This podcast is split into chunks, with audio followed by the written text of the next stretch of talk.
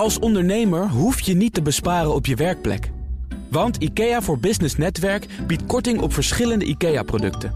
Word gratis lid en laat je werkplek voor je werken. IKEA, een wereld aan ideeën. Na maandenlang pingpongen zijn ZZP-clubs er ongeveer uit wat zelfstandige ondernemers echt willen. En wat gaat Blokker-eigenaar Michiel Witteveen doen met Intertoys? Dat en meer bespreken we in het ondernemerspanel. Vandaag met eh, Daan Weddepol van Pierby en Juri van Alteren, eigenaar van Duurzaam Bedrijfsleven. En natuurlijk nog steeds aan tafel mijn zakenpartner Denise van Harras. Zij is oprichter van NL Zakenvrouwen en Smartup Network. Politiek Den Haag is volledig ontwaakt uit het zomerreces. En daarom is de vraag: wat is jullie opgevallen deze week? Daan. Ja, uh, ik zag een, een, hele mooie ontwikkeling uh, deze week. Multinationals moeten winstbelasting gaan betalen. Dat is een initiatiefwet van GroenLinks en die is nu overgenomen door het kabinet. En dat is uh, ja, het lijkt wel alsof uh, het kabinet een, sinds de zomer ergens een volledige omslag heeft gemaakt.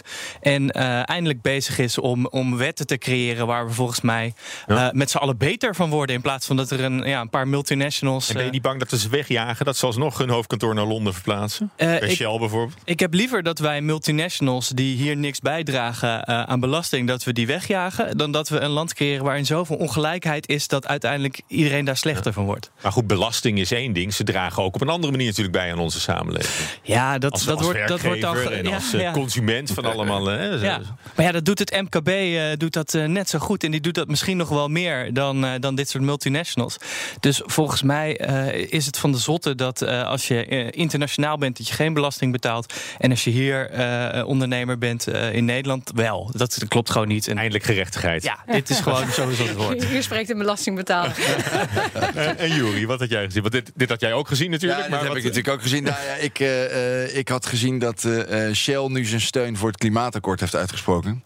En daar wordt natuurlijk heel erg negatief op gereageerd en met veel pessimisme op gereageerd. En ze gaan maar, ook al belasting betalen. Ze gaan ook al belasting betalen, dus waar halen ze al dat geld nog vandaan? Uh, maar ik vind, ik ben daar toch wat positief over. Omdat wat ik altijd mooi vind van dit soort dingen is dat op het moment dat de uitspraak gedaan wordt dat de steun er is, dan kan je zo'n bedrijf daar ook in volgen. En, ja, en aan herinneren. En dan kan je kijken wat je, hoe je met elkaar kunt zorgen dat je die, hmm. uh, dat klimaatakkoord haalt. Dus ik ben ja. daar heel positief over. Welke, welke, status heeft die uitspraak? Op wel, wel, wat voor manier hebben ze dat uh, uitgesproken? Nou, dat uh, Marjan van Loon heeft, heeft die steun uitgesproken. Dat, dat heeft verder. Zoals dat gaat. Ja, dat is toch niet in maar, maar was, het, was het gewoon in, in, een, in een radio-interview? Of, of nou, ik weet eigenlijk niet hoe ze dat precies heeft gedaan. Maar het, ja, het, je kan daar natuurlijk geen enkele kracht aan ontlenen. Ander, en, en, en wetma, het is niet wettelijk af te dwingen nu. Maar ze, ze moet het in de nog, nog een keertje herhalen. Ja, ja, ja, misschien, precies, ja. Als, het, als het echt werk van uh, wil maken. Uh, Denise, wat had jij voor uh, nieuws? Nou, laten we het eens een keer over vrouwen hebben. Ah, ik zie hier zo.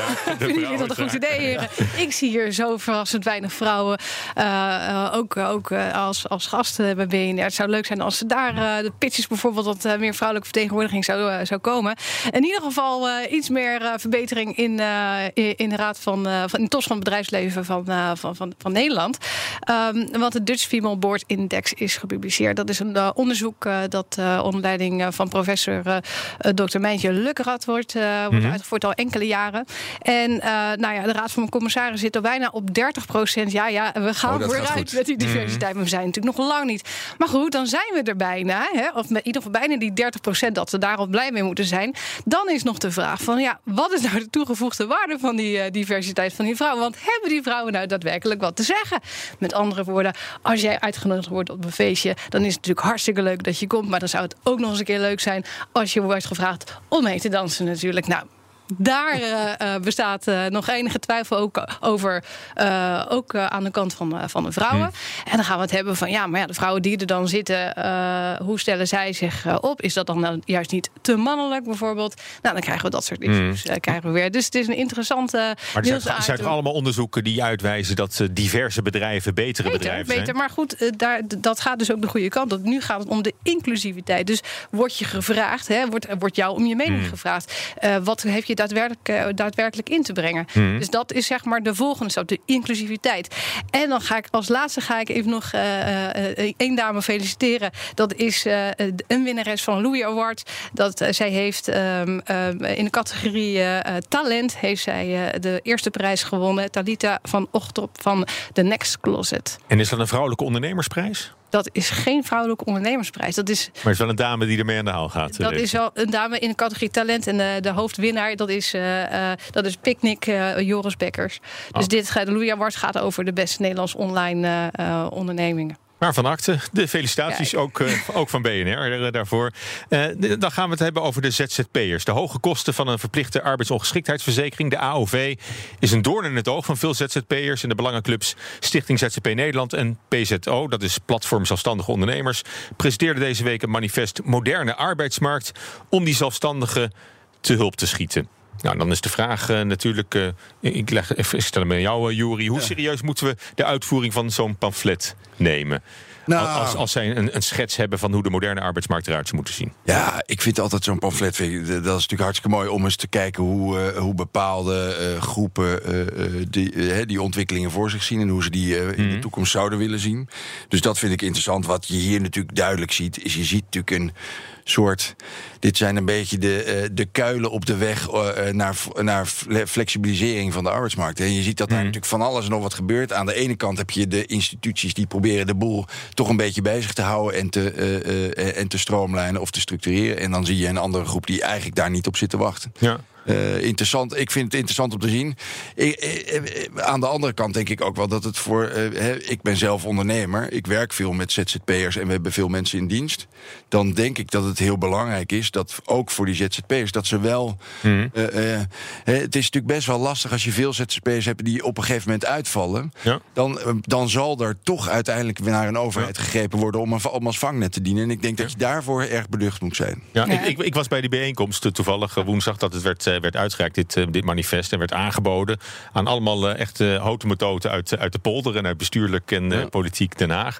Dus op, op zich komen ze wel ergens, denk ik. Maar wat mij vooral opviel aan die bijeenkomst is, is de wens om te komen tot een meer algemeen begrip van werkenden in Nederland. En of je nou werknemer bent of, of zelfstandige professional, dat dat eigenlijk niet zo heel veel uit zou moeten maken. En in heel veel gevallen maakt het ook niet zoveel uit. Zijn het bijna de, ik denk bij jou in het bedrijf ook, de ZZP'ers waarmee je werkt en de werknemers, die, die, dat verschilt niet zo heel veel van elkaar. Nou, ik denk dat daar nog best wel een verschil in zit. Want wat je natuurlijk ziet is dat uh, eigenlijk mijn verplichtingen of, mijn, of uh, mijn, het vangnet wat ik moet zijn voor een hm. ZZP is natuurlijk eigenlijk nul.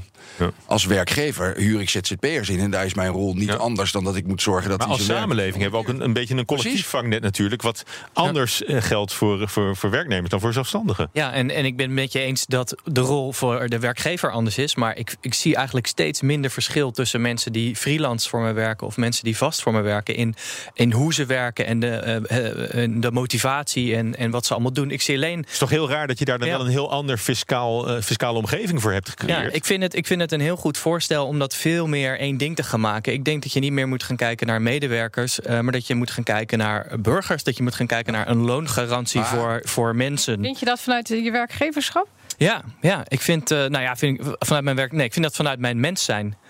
Oké. Maar ik denk wel hè, dat we niet moeten vergeten, een ZZP, daar denkt men van, nou, dat is een creatief en die gaat allemaal mooie dingen ontwerpen mhm. en dan komt het wel goed. Maar ik heb bij Van Ganswinkel gewerkt, de afvalbedrijven, daar werk je, je merkt gewoon dat in die echte operationele wereld, waar het gewoon zwaar werken is uh, uh, en waar het dan uh, in periodes economisch minder ging, werd er door werkgevers, natuurlijk niet door Van Ganswinkel, maar door andere werkgevers gezegd, jongens, jullie, hebben, jullie mogen ZZP'er worden, dan huren we jullie in, maar als werknemer heb je voor, is er voor jullie geen plek meer. En dan zie je dat de kosten hè, of de opbrengsten voor een ZZP natuurlijk enorm dalen. En eigenlijk geen enkel vangnet is in de arbeidsongeschiktheid of andere dingen, want die zijn dan te duur. Ja, je moet het natuurlijk ook oppassen als werkgever zijn. Dat je dus niet uh, uh, heel erg dicht tegen de grenzen aan zit van fictief werkgeverschap. Ja. Hè? Ja. Uh, want dat, dat, dat ligt ja. natuurlijk ook op de loer. Ja. Maar goed, maar arbeidsongeschiktheid, hè, daar, je zou je kunnen voorstellen dat je daar meer een soort algemene regeling voor, voor maakt. Die zowel voor, voor, eigenlijk voor alle werkenden en, en niet alleen voor werknemers werknemers eh, goed, eh, goed geregeld is. Ja, daar ben ik het helemaal mee eens. Als ik, eh, ik, ik, las dat,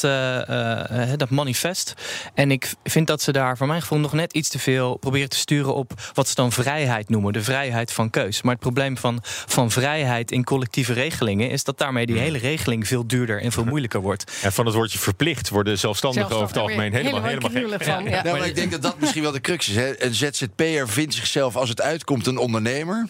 En als het niet uitkomt, een medewerker. Of, hè, dan, ja, dus Heb jij daar die ligt- ervaring? Volgens mij moeten ze daar eens over discussiëren met elkaar. Nou, misschien, misschien Ik denk, die, eh, als het woord vrijheid valt, dat we wat vaker moeten denken: is dit niet misschien individualisme in plaats van vrijheid? Want dat klinkt zo mooi natuurlijk, vrij zijn, maar het is. moi. En we praten nu verder over de vaststellingsovereenkomst. Het is blijft een groot probleem voor ondernemers.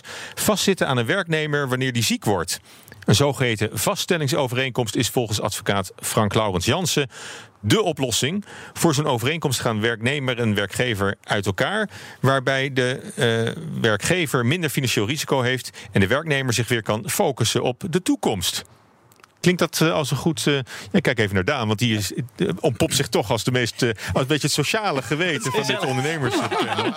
maar wat, Zeker, zeker. Wat, vind je van zo'n van zo'n afspraak? Ja. Nou ja, ehm, ik, vind dat, ik vind dat een goed idee. Ik moet wel zeggen, volgens mij moet het niet het eerste zijn wat je probeert te doen met een medewerker die tegen een burn-out aan zit of een burn-out heeft. Maar ik denk wel dat hij hij heeft het specifiek over een start-up. Dat is een, een klein bedrijf met, met weinig geld. En ik denk dat dat inderdaad, eh, zoals hij schrijft, het is geen goede eh, plek om te reïntegreren. Eh, bovendien kan dat echt de kop kosten van zo'n start-up. Dus ik denk dat het een hele goede manier is om, eh, op, op, om, om uit elkaar te gaan. Op een manier die, die fair is voor alle tweede partijen. Omdat het, het eigenlijk het generieke ontslagrecht ver- verbiedt of verhindert dat je iemand ontslaat als hij ziek is. Ja. Dat, dat, Nou ja, precies. Dat, dat kan niet. Ter- ter- Terwijl je misschien de, degene die, die ziek is geworden, Ja. daar eigenlijk nog wel een dienst mee bewijst. Ook om uit elkaar te gaan. En, en dan geef je met geld mee wat het je anders zou kosten als iemand zes maanden is uitgeschakeld. Want ik geloof dat een burn-out al gauw 50.000 eh, per jaar kost. Nou eh. ja, je, hebt natuurlijk, je, bent, je bent nogal verantwoordelijk hè, als werkgever. Dus het kan best zijn dat, eh, dat zo iemand dan eh, de komende jaren ziek blijft. En dan ben je, ben je als ondernemer daarvoor verantwoordelijk. Ik denk, ik denk dat dit een goede is. Hè. Ik denk dat het ook eh, eh, perfect kan werken. Ik denk dat het dan inderdaad, wat jij zegt, eh, wel erom gaat dat je wat rust inbouwt, vertrouwen inbouwt. Dat het niet een soort escape is, iemand zo snel mogelijk eruit. Maar juist dat je, eh, dat, je dat vertrouwen, vanuit het vertrouwen probeert te zorgen dat iemand eh, eruit komt. Want je merkt vaak dat zo'n medewerker toch eh, eh, hè, zo'n burn-out. terug is enorm Maar groot natuurlijk. hoe, vaak, dan? hoe vaak heb jij bijvoorbeeld, Jury, mensen meegemaakt met een burn-out... waarvan jij dacht uiteindelijk van nou... Dat wordt nooit oh, meer weet wat. je wat, eh, ik, ja, dat, dat, ik, de beste oplossing voor die persoon is om eh, eh, uit dit bedrijf eh, te gaan. Maar goed, ik kan hem niet zomaar loslaten. Wat kan ik doen? Een zak geld meegeven, want dan reïntegreert iemand anders beter. Hoe vaak is dat bij jou voorgekomen? Nou, het, komt, het is in, in mijn carrière tot nu toe best wel vaak voorgekomen dat, dat er iemand met een burn-out zat en dat je. Dat in een je de- squeeze zit, zeg ja, maar. dan zie je bij grote bedrijven waar ik heb gewerkt, zie je dat er een heel reïntegratietraject voorbereid wordt. Dat er ook, de, eh, denk ik, ook verzekeringen eh, eh, in place zijn om te zorgen dat het allemaal goed geregeld wordt en dat die kosten niet zo niet tegen de klip oplopen. Maar ik merk in mijn bedrijf dat dat een dat, dat, dat trekt nogal een wissel. Maar voornamelijk ook voor die medewerker. Want vaak Ja. zie je natuurlijk dat een burn-out ontstaat, deels vanuit privé of deels vanuit werk. En dan zie je toch ook vaak dat die druk op zo'n functie vaak toch te groot is voor iemand die daarvoor heeft gekozen of he- voor is geselecteerd. Ja. Maar is dat- En, en Daan, heb, je, heb jij het wel eens eh, zo- hebben- zo- zo'n overeenkomst eh, gesloten? Ik, ik heb wel eens eh, vaststellingsovereenkomsten gesloten, maar niet met mensen die een, eh, een burn-out hadden. Eh, maar wat- toen ik zo'n overeenkomst sloot, merkte ik wel dat het een heel goed middel is om er samen echt uit te komen. Hè? Want iemand anders, de, de medewerker moet daarvoor tekenen, heeft geen enkele verplichting om te tekenen. Dus je, je moet tot een redelijke oplossing komen. Ik heb één keer iemand gehad, gelukkig maar één keer, die tegen een burn-out aanzat. En dan zijn, toen zijn we wel eerst gaan kijken, kunnen we, eh, dat, ja, kunnen we iemand op de een of andere manier reïntegreren? Kunnen we hem, eh, hè, maar dit was geen traject van maanden, dit was een paar weken. Hij heeft even vrijgenomen, is gaan, gaan wandelen langs het strand. Eh, heeft even nagedacht, wat wil ik nou? En is iets rustiger aan weer begonnen. Eh, en dat is uiteindelijk heel goed eh, weer eh ja, En die, die, werkt nog steeds bij jullie. Eh, die is inmiddels is die, ZZP'er. Maar ik kan me heel goed voorstellen vanuit de werkgever inderdaad... dat het een per- perfect middel is om op een gegeven moment... eh, de wegen te, laten, schei- eh, laten scheiden op gelijkwaardige, Mm. althans gelijke instemming. Maar ik kan me ook voorstellen vanuit de, eh, de werknemer... dat je denkt van ja, ik zit al in een burn-out. Ik weet niet hoe lang dit gaat duren. Ik weet ook niet, ik kan eigenlijk helemaal geen enkele beslissing nemen op dit moment... want dat is hoogst onverstandig, omdat ik dus een burn-out heb. Ja, dus in, in, eh, hoe, hoe gaat dat dan verder Ja, voor de het- werknemer? Het interessante is, eh, bij mijn weet, want ik heb ook wel eens die vaststellingsovereenkomst gedaan voor andere dingen. Maar bij mijn weet is het zo dat je met wederzijdse goedkeuren dan Tuurlijk, uit elkaar dat is gaat. het karakter en dan, daarvan. Ja, en dan ontstaat er nog, uh, uh, als diegene daarna dan geen baan vindt, ontsta ontstaat er behoud van uitkering. Dus dan kan ja. je naar het UWV om een uitkering te vragen. Dus dat betekent dat er dus wel een vangnet is voor die werknemer. En, en, maar misschien wel is het nog belangrijker dat zo iemand dus een, echt een periode krijgt om helemaal aan zichzelf te werken en niet de druk te voelen vanuit een bedrijf. Oh, mm. ik moet zo snel mogelijk terugkomen. Ja. Ik denk dat dat de essentie is volgens mij van, van, van het positief van deze regeling. Ja. En, en zit dan de verantwoordelijkheid dan die leg je voor een gedeelte bij de werknemer van de goh, weet je, wij, vind, wij vinden dan uh, dat het traject is, uh, geeft eigenlijk veel te veel druk op dit moment. Moet je dan niet kijken naar het traject wat er op dit moment uh, nu in de, bedrijf, in de bedrijven geldt? Ja, Moeten we daar niet aan veranderen in plaats van een maar, vaststellingsovereenkomst? moet, maar moet een bedrijf altijd kijken naar, naar dat individuele geval? Ik bedoel, je wil als bedrijf wil je, wil je natuurlijk ook verder met, uh, ook met al die andere medewerkers. Nou, ik denk het karakter. Dus je, je kunt ook ja. zeggen, we regelen het, uh, we maken daar een collectieve afspraak over. Is, is, dat, uh, is dat aan de orde? Hmm. Of is, dat, is het echt een individuele beslissing van ieder, ieder geval voor zich. Nee, ik denk dat uh, op het gebied van vaststellingsovereenkomsten... dat daar wel een collectieve uh, afspraak over moet zijn. Of dat er wel of niet komt. Hmm. Het, het zou best raar voorkomen, denk ik... als een bedrijf als, nou laten we weer een voorbeeld nemen... Ahold, dat op uh, individueel niveau gaat beslissen. Ja. Dus ik maar denk goed, ik denk, dat is wat Jury net ook al zegt. Voor, voor grote bedrijven zal het over het algemeen anders zijn, omdat ze ook zijn, zijn ingesteld. Tuurlijk, start-ups op, zijn wat uh, over het algemeen. Als je heel veel mensen in dienst hebt, ja. zitten er een hoop burn-out gevallen Absoluut. tussen. Ja, dit en moet dat kun je daarvoor voor verzekeren. Ja. Ja. En dit, dit is. Uh, uh, je, bij een groot bedrijf moet je misschien ook gaan kijken naar: is die rol dan wel geschikt en moeten we dat aanpassen? Bij een start-up, ja. probeer de onzekerheid maar eens weg te nemen. Dat is, dat is waar iedere start-up ondernemer mee bezig en is. Een start-up eigen. Je, je wil het echt met elkaar doen ook. Ja, en je merkt, en wat je ook merkt, uh, uh, is dat, uh, dat medewerkers die, die voelen natuurlijk zelf ook dat als ze met een burn-out thuis zitten, dat ze in een kleine organisatie heel een, een grote wissel trekken. Dus dat, als het goed merkt, is wel, ja. Ja, je merkt van die, vanuit die medewerker, die voelt dat natuurlijk ook als vervelend. Dus misschien is dit een goede oplossing. Ik denk dat het werkt. Wie weet. Nou, we, zullen het zien of het een, een vlucht neemt, deze figuur. Ehm, de speelgoedketens Intertoys dan en Maxi Toys, die kwamen deze week weer in Nederlandse handen. De eigenaar van de blokkerwinkels, Michiel Die koopt de ketens terug. Na een half jaar alweer van de Portugese investeerder Green Swan, die zulke grote plannen had hè, met, die, uh, met die Intertoys winkels. Uh, hè, dat moesten belevingscentra ja. worden. En je, je, kon, je kon er ook een clown huren voor je, voor je maar wat is, uh, wat is daar misgegaan met, met de Portugezen? Hebben jullie enig idee? Ja, uh, nou, zeggen, als, als ouder zijnde een, een Intertoys binnengaan en het beleven met je kind opzoeken, dan kom je nooit meer uit. Dus dat wil je sowieso. Ja. maar wat er uh, exact is misgegaan. Uh, nou, ja. het, wordt, het wordt helemaal niet duidelijk ook uit, het, uit de, de reactie van Green Swan. Die geeft eigenlijk geen reden. Je ziet alleen dat ze een half jaar geleden, of wanneer was het, inderdaad zulke verhalen hadden. En ook mm. zeiden, we zijn, we, gaan, we, we, we, we, zijn niet bang om te falen en we gaan van alles proberen. En ja, wat ik uiteindelijk teruglas was dat ze soort van één testvestiging in Utrecht iets hebben gedaan. En voor de rest uh, lijkt er eigenlijk helemaal niks van gekomen te zijn. Uh, dus ja, het is, wat daar gebeurd is, ik, het is heel onduidelijk. Ja, um, het, zal, het zal om geld gaan uiteindelijk. Ja, het, het, het, niet, het, het, zou, het zou veel te duur zijn geworden om dat te doen. En dan weet je ook nog maar net uh, niet of het, of het het op gaat leveren. nou, die Michiel Witteveen dan, hè, die werpt zich nu een beetje op als de redder van de Nederlandse retail. Eerst door, door de blokkerwinkels ja. over te nemen van de familie Blokker. En dan nu in de, in de speelgoedsector. Is dat een soort uh, ja, valse heroïek? Of, of kan hij echt Intertoys wel, uh, wel redden, denk je? Nou, ik, ik, weet niet of hij Intertoys kan redden. Wat ik wel denk, ik, ik, wat ik mooi vind aan deze ondernemer... is dat hij, hij heeft verstand van retail. Hij weet ook hoe het, he, hoe het verkeerd is gegaan. En heeft daar kennelijk, vindt hij in ieder geval zelf een goede oplossing voor. En ik geloof wel in het feit dat je met minder winkels... en veel online omzet, dat je wel het nodige kan realiseren. Hij heeft het over... En, en er zijn ook nogal wat slechte winkels uh, gesloten inmiddels. Hè? Ja, maar het is natuurlijk ook. Uh, maar je, als je naar dat Intertoys kijkt, ja. Ik dat, vind het verdrietig hoor. Ja, maar dat speelgoed ja. kopen online is, is zoveel makkelijker. En ja, het gedonder met zo'n winkel. Het is exact. natuurlijk ook een beetje treurnis. om zo'n winkel binnen te gaan. Ja, dan, dan koop ik het ook liever online, denk ik. Tenminste. Zoveel speelgoed heb ik, hebben wij ook niet meer nodig thuis.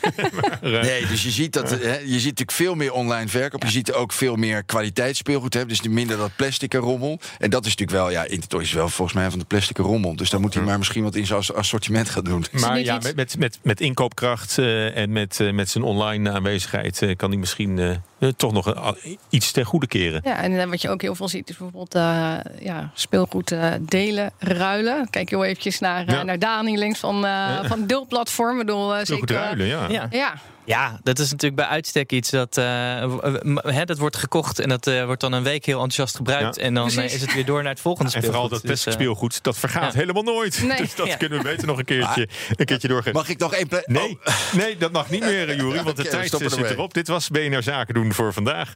Een kleine update maakt een wereld van verschil. Daarom biedt IKEA voor Business Netwerk gratis snelle interieurtips en ideeën. Word gratis lid en laat je werkplek voor je werken. IKEA, een wereld aan ideeën.